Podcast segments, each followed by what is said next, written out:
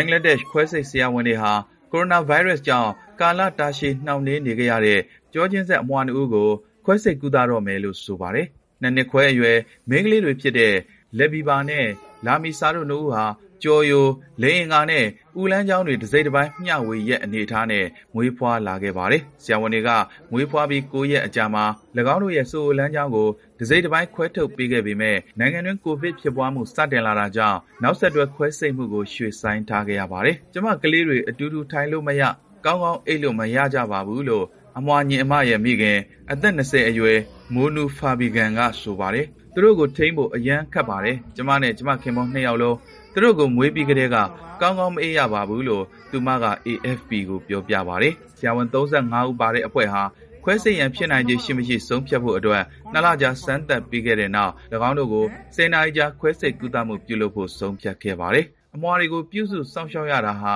မိသားစုအတွက်ကြီးမားတဲ့ငွေကြေးနဲ့စိတ်ပိုင်းဆိုင်ရာဝန်ထုပ်ဝန်ပိုးတခုဖြစ်ကြောင်းအသက်၂၂နှစ်အရွယ်ဖခင်ဖြစ်သူလိုင်မီယာကဆိုပါတယ်။ဒါကာဆေးပညာတက္ကသိုလ်ဆေးရုံက ခွဲစိတ်ကုသရန် ကုန်ကျစရိတ်အားလုံးကို ကျခံပေးနေပြီး ၂၀၁၇ နဲ့ ၂၀၁၈ ခုနှစ်တွေတုန်းကလည်း အကြားအမွှာနှစ်တွဲကို ဘေးကင်းစွာ ခွဲထုတ်ပေးနိုင်ခဲ့သလို လာမယ့် ခွဲစိတ်မှုရလဒ်ကိုလည်း ဆရာဝန်တွေက အကောင်းဆုံး မျှော်လင့်ထားပါတယ်။ဘုရားသခင်ရဲ့ဂရုဏာတော်ကြောင့် ငါတို့ အောင်မြင်မှာပါလို့ ဆေးရုံရဲ့ ကလေးထုခုဆရာဝန်ကြီး Ash Rafu Hagi က AFP ကိုပြောကြားခဲ့ပါတယ်။သန္ဓေသားလောင်းဟာအစောပိုင်းကိုယ်ဝန်ဆောင်စမှာတစိတ်တပိုင်းပဲကွဲကွာသွားတဲ့အတွက်မွေးဖွားလာချိန်မှာအခုလိုကိုယ်ချင်းဆက်အမွှားအဖြစ်မွေးဖွားလာကြပါတယ်။အမွှားများစွာဟာမွေးပြီးပြီးချင်းသေဆုံးကြရပေမယ့်ခွဲစိတ်မှုနဲ့နည်းပညာတွေတိုးတက်လာတဲ့ယခုခေတ်မှာတော့အသက်ရှင်နှုန်းတွေပိုမိုတိုးတက်လာခဲ့ပါတယ်။ওদের এক একজনের চাহিদা এক এক রকম যেমন যে কেউ ঘরে থাকতে চায় আবার কেউ বাইরে আসতে চায় ။ ကျွန်တော်အရမ်းစိုးရိမ်ပေမယ့်အရမ်းလည်းစိတ်လှုပ်ရှားမိတယ်။ကျွန်တော့်သမီးလေးတွေသီးခြားစီနေနိုင်တော့မှာကိုတွေ့ရမှာကတော့အရမ်းကောင်းပါတယ်လို့သူကဆိုပါတယ်။ဒါပေမဲ့မိဘတယောက်အနေနဲ့ခွဲစိတ်ခုတင်ပေါ်မှာကိုယ့်ရင်သွေးတွေကိုမြင်ရတာအရမ်းနာကျင်ရတယ်လို့ AFP ကိုပြောပြပါတယ်။ပါလက်စတိုင်းကိုထောက်ခံမှုနဲ့သပိတ်မှောက်ဖို့ဖိအားပေးခံနေရတဲ့အစ္စရေးနိုင်ငံအီလက်မြို့ကမဲကဘာပြိုင်ပွဲကိုဒီဇင်ဘာလ23ရက်တနင်္လာနေ့ကကျင်းပခဲ့ရမှာအိန္ဒိယအလှမယ်ဟာနာဆန်ဒူက တရဘူးစွတ်ခူးရယူနိုင်ခဲ့ပါတယ်။အစ္စရေးနိုင်ငံမှာပထမဆုံးအကြိမ်အဖြစ်ကျင်းပခဲ့တဲ့အနှစ်80ပြည့်နှစ်ပတ်လည်မဲကဘာအလှမယ်ပြိုင်ပွဲမှာကိုရိုနာဗိုင်းရပ်စ်ကူးစက်မှုရဲ့နောက်ဆက်တွဲပြဿနာတွေနဲ့လည်းရင်ဆိုင်ခဲ့ရပါတယ်။ပင်လယ်နီအပန်းဖြေစခန်းမှာကျင်းပတဲ့ဒီပွဲမှာမဲကဘာဆုကိုစန်ဒူကရရှိခဲ့တယ်လို့ပါရာဂွေးနိုင်ငံကနာဒီယာဖာရီယာနဲ့တောင်အာဖရိကအလှမယ်လာလယ်မက်ဆွိန်းတို့ကဒုတိယနဲ့တတိယဆုတွေအသီးသီးရရှိခဲ့ကြပါတယ်။တောင်အာဖရိကအားကစား ယဉ်ကျေးမှုနဲ့အနုပညာဝန်ကြီးဌာနက ပါလက်စတိုင်းပေါ် အစ္စရေးက ကျူးလွန်ခဲ့တဲ့ ရက်စက်ကြမ်းကြုတ်မှုတွေကို ကိုးကားပြီး ယခုပြိုင်ပွဲကို ဝင်ရောက်ရှင်ပြိုင်ခြင်းမပြုဖို့ ပြိုင်ပွဲဝင်တွေကို တောင်းဆိုတိုက်တွန်းခဲ့ပါတယ်။အဆိုပါတောင်းဆိုမှုဟာ ပါလက်စတိုင်းအဖွဲ့တွေကဥဆောင်ခဲ့ပြီး ပါလက်စတိုင်းတွေအပေါ် လူမျိုးရေးခွဲခြားမှုနဲ့ လူခွင့်ရေး ချိုးဖောက်မှုတွေ ကျူးလွန်ခဲ့တဲ့ အစ္စရေးအပေါ် ပညာရေးနဲ့ ယဉ်ကျေးမှုဆိုင်ရာတပိတ်မှောက်ဖို့အတွက် ပြိုင်ပွဲဝင်အားလုံးကို နှုတ်ထွက်ဖို့ ကျွန်တော် တိုက်တွန်းထားပါတယ်လို့ ဆိုပါတယ်။ပြိုင်ပွဲဝင်ဥယေ80ထဲမှာ ပြီးခဲ့တဲ့နှစ်ကအစ္စရေးနဲ့ပုံမှန်ဆက်ဆံရေးပြန်လည်ထူထောင်ခဲ့တဲ့မွတ်စလင်နိုင်ငံတွေဖြစ်တဲ့မော်ရိုကိုနိုင်ငံကအလှမယ်ကော်တာဘင်ဟာလီမာနဲ့ဘာရိန်းအလှမယ်မင်နာနဒီဒီယာနီတို့လည်းပါဝင်ခဲ့ပါတယ်။ပြီးကြရလာနှောင်းပိုင်းကဂျေရုဆလင်မှာ AFP နဲ့အင်တာဗျူးတစ်ခုအတွင်းမက္ကဆီကိုနိုင်ငံမှာမေဂဘာအလှမယ်ဟောင်းအန်ဒရီယာမီဇာကဒီပြိုင်ပွဲကိုနိုင်ငံရေးနဲ့ကင်းကင်းရှင်းရှင်းလှုပ်ဆောင်တဲ့နယ်လို့ဆိုပါတယ်။မေဂဘာပြိုင်ပွဲဆိုတာနိုင်ငံရေးလှုပ်ရှားမှုမဟုတ်သလိုဘာသာရေးလည်းမပါပါဘူး။ အမျိုးသမီးတွေရဲ့စွမ်းဆောင်ရည်ပြသတဲ့ပွဲပါလို့သူကဆိုပါတယ်။အစ္စရေးနဲ့တန်တမန်ဆက်ဆံရေးမရှိတဲ့မွတ်စလင်အများစုနေထိုင်ရာအင်ဒိုနီးရှားနဲ့မလေးရှားနိုင်ငံတွေကပြိုင်ပွဲဝင်တွေဆေလွတ်ခဲ့ခြင်းမရှိပေမဲ့အစ္စရေးရဲ့လူအခွင့်အရေးမှတ်တမ်းထက်ကပ်ရောဂါကြောင့်ဖြစ်တယ်လို့ဆိုပါတယ်။ယမန်နှစ်ကအစ္စရေးနဲ့ပုံမှန်ဆက်ဆံရေးပြန်လည်ထူထောင်ခဲ့ပြီးတနင်္ဂနွေနေ့မှာဝန်ကြီးချုပ်နက်ဖတလီဘဲနဲ့တမိုင်းဝင်လာရောက်လဲပတ်ခဲ့တဲ့ UAE နိုင်ငံကလည်းပြိုင်ပွဲဝင်ဆေလွတ်ခြင်းမရှိခဲ့ပါဘူး။ ဒါပေမဲ့ပြည်တွင်းအလှမဲ့ရွေးချယ်ဖို့အချိန်ကန့်သတ်ချက်တွေရှိခဲ့တာကြောင့်ဖြစ်တယ်လို့ UAE ကဆိုပါတယ်။ရုရှားဆယ်ကျော်သက်တဦးဟာမော်စကိုမြို့အပြင်ဘက်က14ရာစုခရစ်ယာန်ကျောင်းတစ်ခုမှာဒီဇင်ဘာလ23ရက်တနင်္လာနေ့ကမိမိကိုယ်ကိုဘုံခွဲဖို့ကြိုးစားခဲ့တဲ့အတွက်ကလေးငယ်10ဦးခန့်ဒဏ်ရာရရှိခဲ့ပါတယ်။တိုက်ခိုက်သူဟာ အသက်16နှစ်အရွယ်ကျောင်းသားဟောင်းတို့ဖြစ်ပြီးအသက်မသေးဘဲအထူးကြက်မှတ်ဆောင်မှာကုသပေးနေပြီးဒဏ်ရာတွေကြောင့်ခြေထောက်ဖြတ်လိုက်ရကြောင်းအာဏာပိုင်တွေကပြောကြားခဲ့ပါတယ်။တက်တည်ဖို့ကြိုးစားတဲ့ကလေးကိုအထူးကြက်မှတ်ကုသဆောင်မှာတင်ထားပါတယ်လို့စုံစမ်းစစ်ဆေးရေးကော်မတီရဲ့ကိုယ်စားလှယ်အိုဂါဘရာဒီကသတင်းတောက်တွေကိုပြောကြားခဲ့ပါတယ်။1360ခုနှစ်မှာတည်ထောင်ခဲ့တဲ့ခရီးရန်ကျောင်းရဲ့ အလက်ခေတ်အနီအောင်နိုင်ရန်တွေရဲ့အနီးမှာတော့ရဲတွေနဲ့လူနာတင်ရင်တွေစီတန်းနေပါတယ်။ရုရှားနိုင်ငံဟာမကြသေးမီနှစ်တွေအတွင်းစာသင်ကျောင်းတွေကိုတိုက်ခိုက်မှုတွေတိုးမြင့်လာတာကိုတွေ့ကြရပေမဲ့အခုလိုဘာသာရေးဆိုင်ရာအဆောက်အုံတွေမှာဖြစ်ပွားတာမျိုးရှားပါပါတယ်။ဆယ်ကျော်သက်ကလေးကဘီဘက်ဒင်စကီဘလာဒိုက်စနီဖျားကျောင်းဘေးကအားကစားရုံအတွင်းမှာသူ့ကိုယ်သူဖောက်ခွဲခဲ့တာဖြစ်တယ်လို့ပြည်ထောင်ရေးဝန်ကြီးဌာနကပြောကြားခဲ့ပါတယ်။အ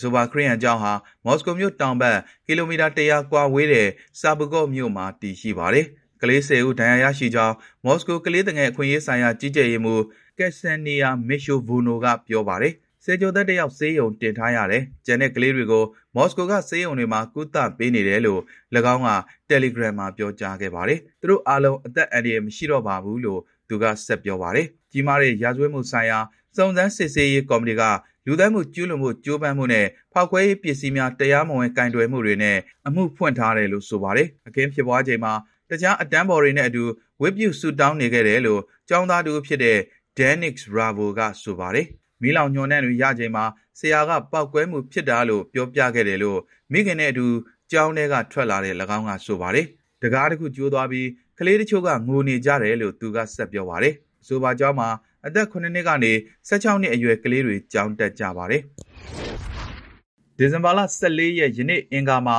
အင်ဒိုနီးရှားနိုင်ငံ အရှေ့ပိုင်းကို ပြင်းအား9.3အဆင့်ရှိတဲ့ ငလျင်လှုပ်ခတ်ခဲ့ပြီး ဆူနာမီလှိုင်းအန်ဒီရဲ့စောင့်ကြည့်ရေး ကင်မရာ မှတ်တမ်းတွေကို ကိုးကားပြီး အမေရိကန် ဘူမိဗေဒ သုတေသနအဖွဲ့က ဆိုပါတယ်။မနေ့အစောပိုင်း Greenwich စံတော်ချိန်3နာရီ မိနစ်20မှာ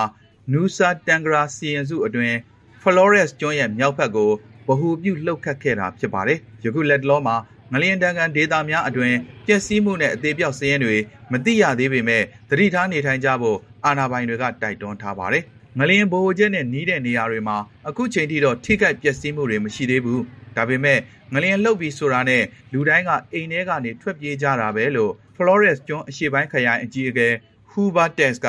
မက်ထရိုရုပ်သံကို ပြောကြားခဲ့ပါတယ်။ငလျင်ဘေးဒဏ်တဲ့ဒေသတွေမှာ နေထိုင်သူတွေအနေနဲ့ အကြောက်မလွန်ဖို့နဲ့ ပင်လယ်ကမ်းခြေနဲ့ဝေးတဲ့ ဘေးကင်းရာနေရာတွေကို ရှာဖွေခိုလုံကြဖို့ အင်ဒိုနီးရှားအာဏာပိုင်တွေက တိုက်တွန်းထားပါတယ်။အဆိုပါငလျင်ဟာ Flores ပင်လယ်ရေပြင်အောက်18.5ကီလိုမီတာအနက် မော်မရီမြို့မြောက်ဘက် 100ကီလိုမီတာအကွာကိုဗဟိုပြုလှုပ်ခတ်ခဲ့ကြောင်းထောက်လန်းသိရှိရတယ်လို့ American ဘူမိဗေဒသုတေသနအဖွဲ့ကဆိုပါတယ်။ငလျင်ဗဟိုချက်နဲ့အချင်းဝက်1000ကီလိုမီတာပတ်လည်အတွင်းမှာပဲဆူနာမီလှိုင်းလုံးဖြစ်နိုင်တယ်လို့အစောပိုင်းသတိပေးချက်တွေထွက်လာပြီးချိန်မှာကမ်းခြေကိုဆူနာမီလှိုင်းတွေရိုက်ခတ်နိုင်ခြင်းမရှိဘူးလို့ Pacific Tsunami သတိပေးစင်တာကထုတ်ပြန်ခဲ့ပါတယ်။အင်ဒိုနီးရှားနိုင်ငံဟာ ပြင်းထန်တဲ့မြေလွှာလှုပ်ရှားမှုတွေဖြစ်ပေါ်ရာ Pacific မီးကွင်းပေါ်မှာတည်ရှိတဲ့အတွက် မကြာခဏဆိုသလို ငလျင်လှုပ်ခြင်းနဲ့ မီးတောင်ပောက်ကွဲခြင်းတွေ ခံစားရပါတယ်။အင်ဒိုနီးရှားမှာ လှုပ်ခတ်ခဲ့ဘူးသမျှ လူအသေးအပြောက်အများဆုံး ငလျင်တွေထဲမှာ2004ခုနှစ်က ဆူမာတရာကမ်းလွန်မှာ လှုပ်ခတ်ခဲ့တဲ့ ငလျင်ဟာ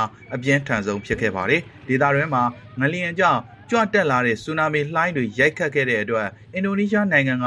လူ3,900အပါအဝင် လူပေါင်း2,200သေဆုံးခဲ့ကြောင်း သိရှိရပါတယ်။ American နိုင်ငံပြည်내အများအပြားမှာ လူဒါဇင်ပေါင်းများစွာ သေဆုံးစေခဲ့တဲ့ လေစင်နာမောင်း တိုက်ခတ်မှုတွေကနေ အသက်ရှင်ကျန်ရစ်သူတွေကို အရေးပေါ် ကယ်ဆယ်ရေးဝန်ထမ်းတွေက ရှာဖွေနေကြသလို သေဆုံးသူအလောင်းတွေကိုလည်း အနံ့ငံခွေးတွေတုံးပြီး ဆက်လက်ရှာဖွေနေဆဲ ဖြစ်တယ်လို့ အဆိုးဝါးဆုံးထိခိုက်ခံခဲ့ရတဲ့ကန်တက်ကီပြည်နယ်အုပ်ချုပ်ရေးမှူးကဆိုပါတယ်။သမ္မတဂျိုးဘိုင်ဒန်ကရာသီအနှောင်းပိုင်းကာလအမေရိကန်အလယ်ပိုင်းမှာရှားရှားပါးပါးတိုက်ခတ်သွားတဲ့ဒီမုန်တိုင်းဟာအမေရိကန်သမိုင်းမှာအကြီးမားဆုံးမှုန်တိုင်းတွေကတစ်ခုဖြစ်တယ်လို့ဆိုပြီးလက်ရှိသေဆုံးသူအရေအတွက်64ဦးထိရှိလာကြောင်းပြည်내တာဝန်ရှိသူတွေကသတင်းထုတ်ပြန်ထားပါတယ်။ဒီမိုကရက်တစ်သမ္မတဟာ အခြေအနေတွေကိုအကဲဖြတ်နိုင်ဖို့အတွက်အမိမြေလုံခြုံရေးဌာနနဲ့ပြည်내အရေးပေါ်စီမံခန့်ခွဲမှု agency အကြီးအကဲတွေကိုဆစ်လွတ်ခဲ့ပြီးလိုအပ်တဲ့အကူအညီတွေအပြည့်အဝပေးသွားမယ်လို့ကတိပြုခဲ့ပါတယ်။မြေပြင်မှာလည်းဒေသခံအာဏာပိုင်တွေကမိမိတို့နေအိမ်တွေနဲ့စီးပွားရေးလုပ်ငန်းအပျက်စီးတွေကြားမှာတုံလောက်ခြောက်ချားနေတဲ့ဒေသခံတွေကိုအကူအညီပေးဖို့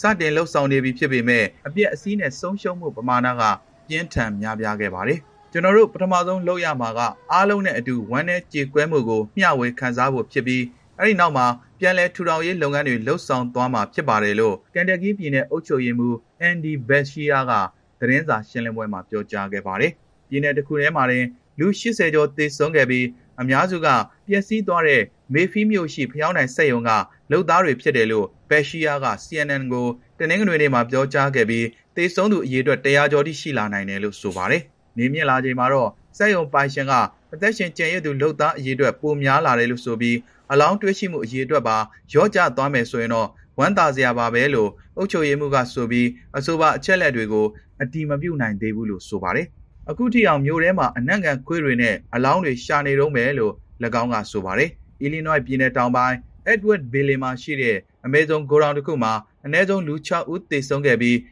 ရစ်စမတ်အမှားစားတွေအတွက်ညဆိုင်လောက်ကင်နေသူတွေဖြစ်ပါတယ်။နေရာတစ်ခုလုံးမှာအရေးပေါ်ဝန်ထမ်းတွေကတင်းနှင်းငွေနေ့အထိအောင်ညလုံးပေါက်အလုံးလုံးနေကြပြီးပြည်내အရေးပေါ်စီမံခန့်ခွဲမှုအေဂျင့်တွေနဲ့ကြက်ချီနီစေရနာဝန်ထမ်းတွေပါဝင်ပါတယ်။ Edward Bailey မိသက်အကြီးအကဲ James Whiteford က